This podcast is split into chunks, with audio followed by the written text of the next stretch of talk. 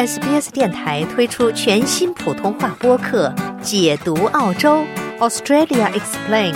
在这里，你可以轻松欢快的了解有关澳洲的有趣知识。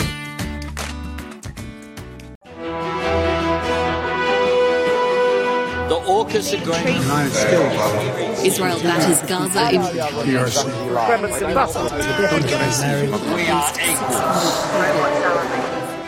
equal. 热点新闻、公众话题拨打热线分享见解，，SBS 时事热线栏目。每周三早上八点半到九点播出。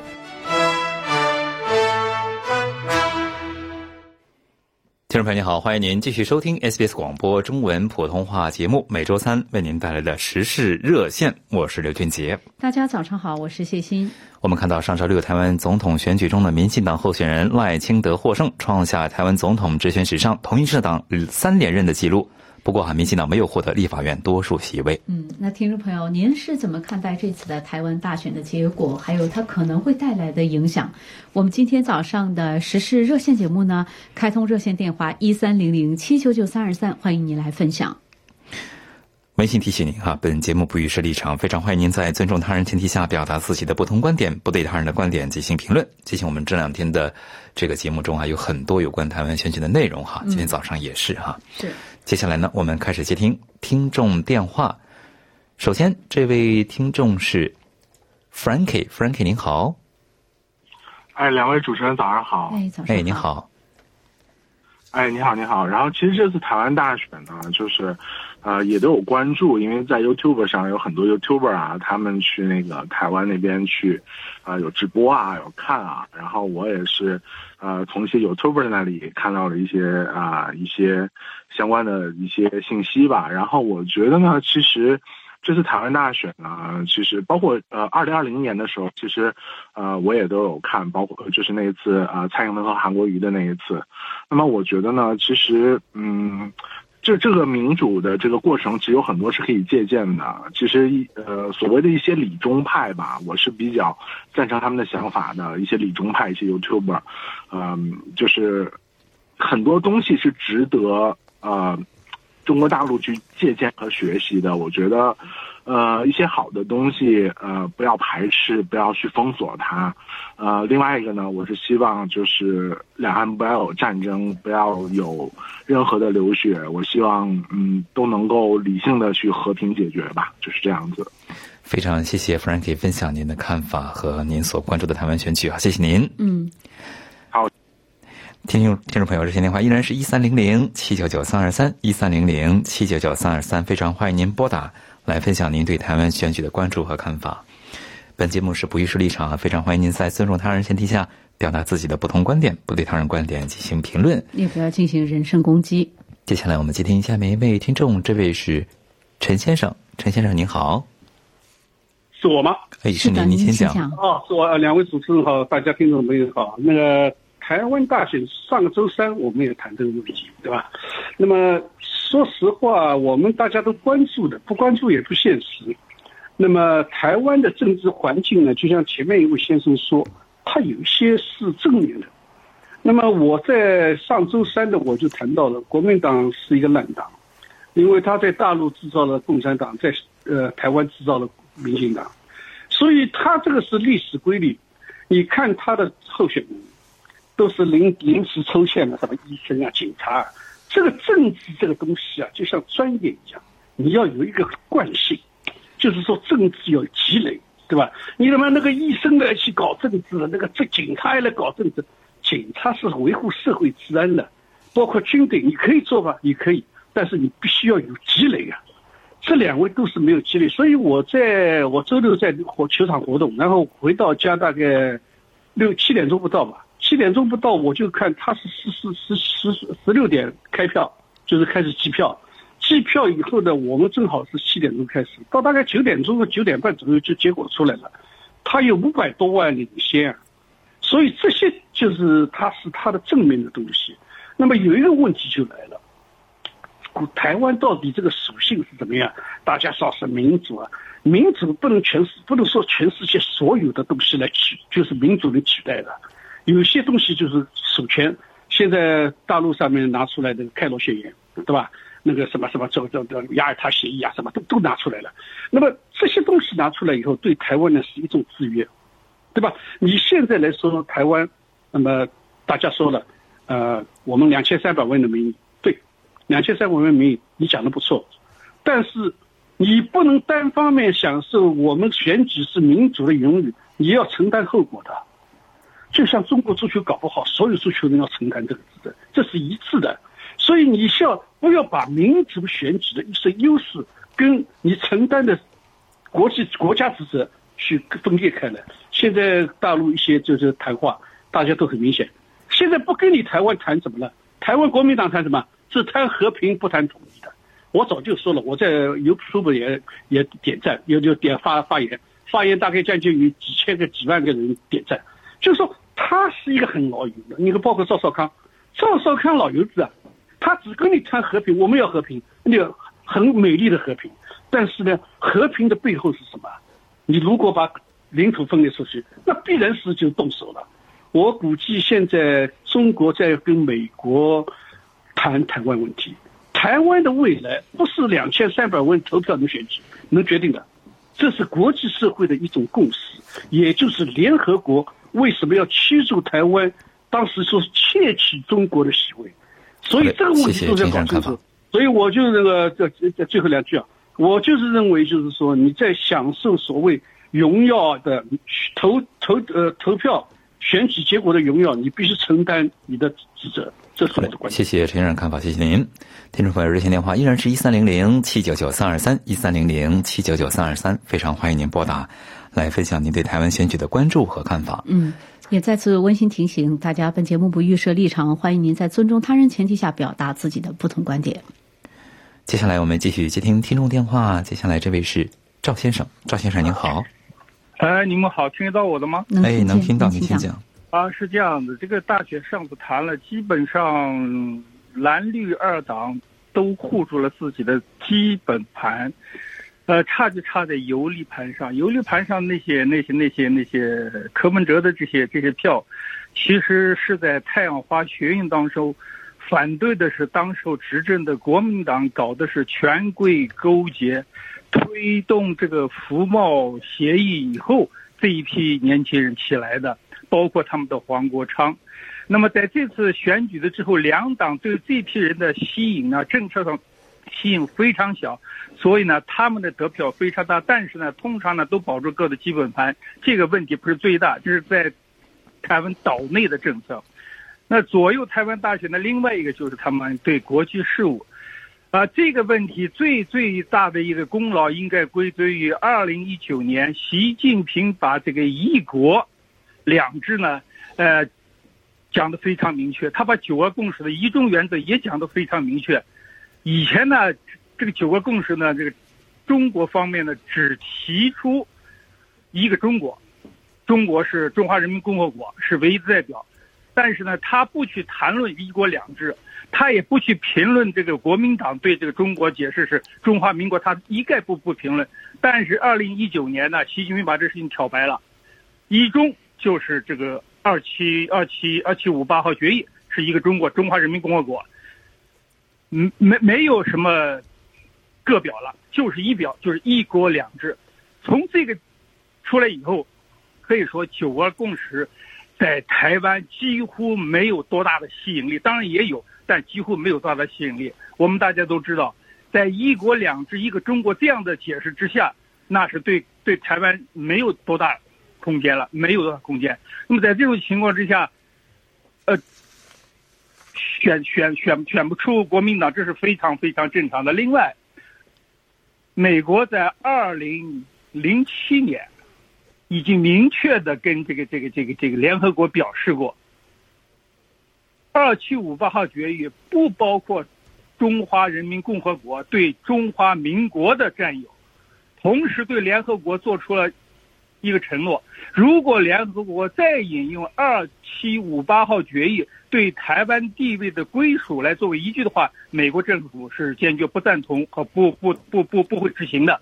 那么那个时候，我们澳大利亚、新西兰、日本、加拿大等国表示赞同美国的这种看看法。也就在这种大的国际环境之下，呃，再谈习近平的这个一国两制来约束台湾的这次选举，几乎是没有办法了。所以我认为呢，我认为台湾的这个实质独立的这个情况呢，是大势所趋，真是没办法改变。无论从法理和现实都是这个样子啊。所以这次这次这次台湾，那么下次呢，非常危险的就是说。要看这个柯文哲的第三势力到底提出什么样的这个办法来针对当时他们反对的那些东西。如果提不出的话呢，非常可能会很快的泡沫化，因为他们的他们的要求，两党国民党和和和和民进党呢，可以提出切实可行的办法来进行化解的。如果有办法的话呢，那么这个民众呢会很快的泡沫化。啊，这是我个人观点。好嘞，谢谢赵先生看法，谢谢您。听众朋友，热线电话依然是一三零零七九九三二三。嗯，欢迎您继续拨打。接下来我们接听下面一位听众电话，这位是许先生。许先生您好。啊，是我吗？哎，是您，您先讲。啊，首先恭贺台湾的这个民主选举的成功，它也是中华民族的一面镜子，不但向台湾人，也向大陆人。显示了自由民主的结果。嗯，我主要是想对国民党说两句。国民党虽然这次失选，但是我希望国民党人应该能认识到，国民党不只是台湾的国民党，更是中华民族的国民党。七十多年前，他们因为贪腐遭到中国人民的唾弃，退败台湾。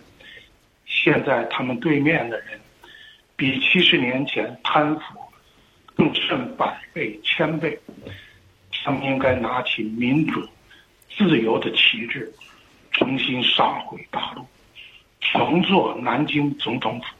当然，这不是靠着努力，而是靠着民主和自由的旗帜。谢谢。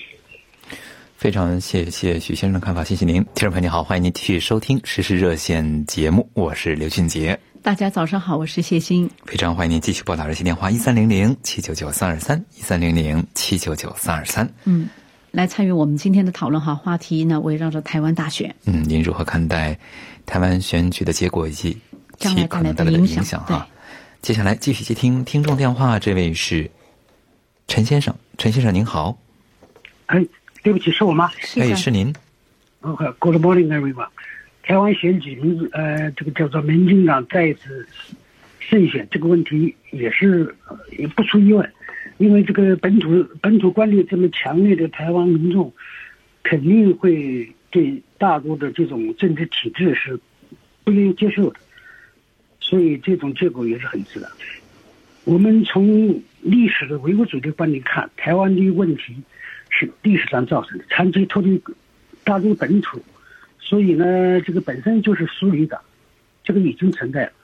台湾的民主进程是从蒋经国先生开放党政时候开始，不然也不会有民进党什么大众党。所以蒋介石执行的还是那种专制独裁。之所以蒋经国成功，就搞了十项基本建设，台湾才成为。呃，世界上经济发达的一个一个区域，那么现在大陆肯定对这种台独是不会不会乐意乐见其成的，但是现在整个这个国际形势是共产主义的这种自由民主的理念跟这个近代今天的资本主义自由民主的这个价值观，它是互相不兼容的，所以这个这个这个基本矛盾不解决的话，这个两岸统一，你在那个像。香港啊，澳门啊，五十年啊，能不能能不能骂平都是个问题，因为这个基本的执政理念、政治观点它是不一致的，所有这些问题的矛盾的产生跟西方社会的产生都是有这个有这个根本的这个政治原因产生的，所以这个台湾这个民主选举，大陆肯定会实行一种压制，军事上面压制，经济上面、外交上围困。就像这个台呃美国对中国一样，这个实际上就是一种大同小异，啊，所以这个问题要想根本的解决，还是有很大的难度，需要时间。中华民族崛起以后，那就是没得话说了，大家也不认同，西方国家也也也别别接受，不接受也得接受，这个还是要带有一定的强制性。好嘞，谢谢先生的看法，谢谢您。听众们，热线电话依然是一三零零七九九三二三一三零零，继续拨打哈，七九九三二三，您拨打来表达您对台湾选举的关注和看法。接下来接听下面一位听众，这位是史先生，史先生您好。哎，两位主持人上午好。哎，您好。呃，那个两百多年之前吧，啊，君主制是呃是政治正确，啊，一百多年之前革命是政治正确。从第二次世界大战结束到现在，民主成为了政治正确，谁也不能保证一百年以后民主还是不是政治正确。也许还有一个新的东西将会成为政治正确。那么，我想在这里说几件事情。第一个呢，民主不等同于真理，也就是民主选举产生的东西并不一定就是好的东西。希特勒就是民主产生，对不对？所以民主不等同于真理，这是第一个。第二个，以台湾的选举，绝对的差额选举，百赖清德获得的是百分之四十的选票，而其他两个人各占有百分之三十多的选票。那么换句话说，不并不是大多数的台湾选民选择了赖清德，只有百分之四十的选民选择了赖清德。那么以百分之四十的人。对百分另外的百分之六十实行专制，这样的民所谓的民主形式好在哪里？我实在看不出来。我觉得这个就是百分之四十对百分之六十所实行的专制。那么，就像我上上个星期啊，就是我们曾经谈起过，呃，这这那个事情。这次你看，在台湾的选举中啊，大陆几乎没有对他有任何介入，几乎都没有介入过。什么原因？不管是你民主党执政，还是国民党执政，还是其他党派执政，共军总是要过河、过过海、过海的。也就是说，台湾回归大陆并不一定是人心所向，但这一定是大势所趋。所以谁执政没有用，这次选举也许就是这个历史上的。最后，台湾那个史上的最后一次选择而已，所以没有必要啊，这那就像大陆所表现的一样，没有必要太多激动。更何况呢，在台湾来说，其实台湾地区的最高领导人并非他选出来的总统，而是美国驻台湾的代表。美国的呃，台湾现在所谓的领导人，中国历史上出现一个石敬瑭，对不对？其实台湾领导人就是美国人的儿皇帝，他叫的很好听，台湾独立等等。如果哪天台湾允呃美国允许台湾成为美国的第五十一个州，我相信台湾很多绝大部分人都会选举加入美国的第五十一个州。所以啊，民主啊，自由啊，台湾人决定自己命运啊，什么独立啊。其实这些东西啊，说说白了，一钱不一一一钱不值。我只希望台湾人能够认清形势，早日一个好的好一个一个最少的代价，以最小的代价啊，那个实行祖国的统一，不要到时候造成人呃人就是那个人类的死亡，再造成灾难，好吧？好的，谢谢沈阳看法，谢谢您。接下来我们接听下面一位听众，这位是 James，James 您好。哎，你好啊，两位主持人好啊，你好。呃，我首先比较赞同上面那个人所说的了。所谓台湾地区的选举呢，那个民主呢，不完全是民主来的。为什么呢？你回馈一下，那个阿扁上来的时候贪官，连买武器啊，各方面都贪官。到现在呢，我接触到很多台湾人，他们都说。现在的民进党基本上的所有那个呃公共设施的基础建设，都是那些人给钱，他们得胜筹的款的那些公司得到的。等以后换替那个呃党执政的时候，又查他的时候，又是一个大贪来的。你你自己想想啊，国民党是一个百年的老党。他们的资产都是从大陆的时候临走失败的时候带过来，他就查他。现在民进党的富有的不得了，很多财产，很多电视台，很多，到时候再查他，你那些财产哪里来呢？你看看他们捐款的人都是他搞啊那个政府的建设的那些那些商人来的啊，所以呢，这种民主呢不可以推广。过去中国也在第一等级的乡村那边啊选举呢，很多那些人在外边打工的包工头回来，他选的村长呢，把所有的土地呢就拿出来啊自己啊，你那些老老实实的人的打压，最后呢啊有些冤枉死就是逼走就逼走，所以后来就马上杀停了。这种民主没有一个制度，没有一个完整的，那没用的。而且现在的选举呢，三个党都要跑到美国去要朝拜，所以他们都是一个相当于要看美国，其实是美国干扰。而且美国那个代表处，他不能大使嘛，经常点他们要怎么样做，你怎么样说话。而且有些人说：“哎呀，那个独立国家来的，怎么独立啊？”拜登都第一说了，不可以独立。由于时间关系，非常谢谢 James 表达的观点，谢谢您，听众朋友。今天由于时间关系的节目要和您说再见了哈，在节目的最后还是温馨提醒您哈，今天节目中的听友个人言论不代表 SBS 立场，无法参与到电台半小时节目表达的听众呢，请登录 SBS 普通话 Facebook 页面，了解澳洲，融入澳洲，欢迎登录 sbs 点 com 点 au 前斜杠 language 前斜杠 mandarin。获取更多澳大利亚新闻和资讯。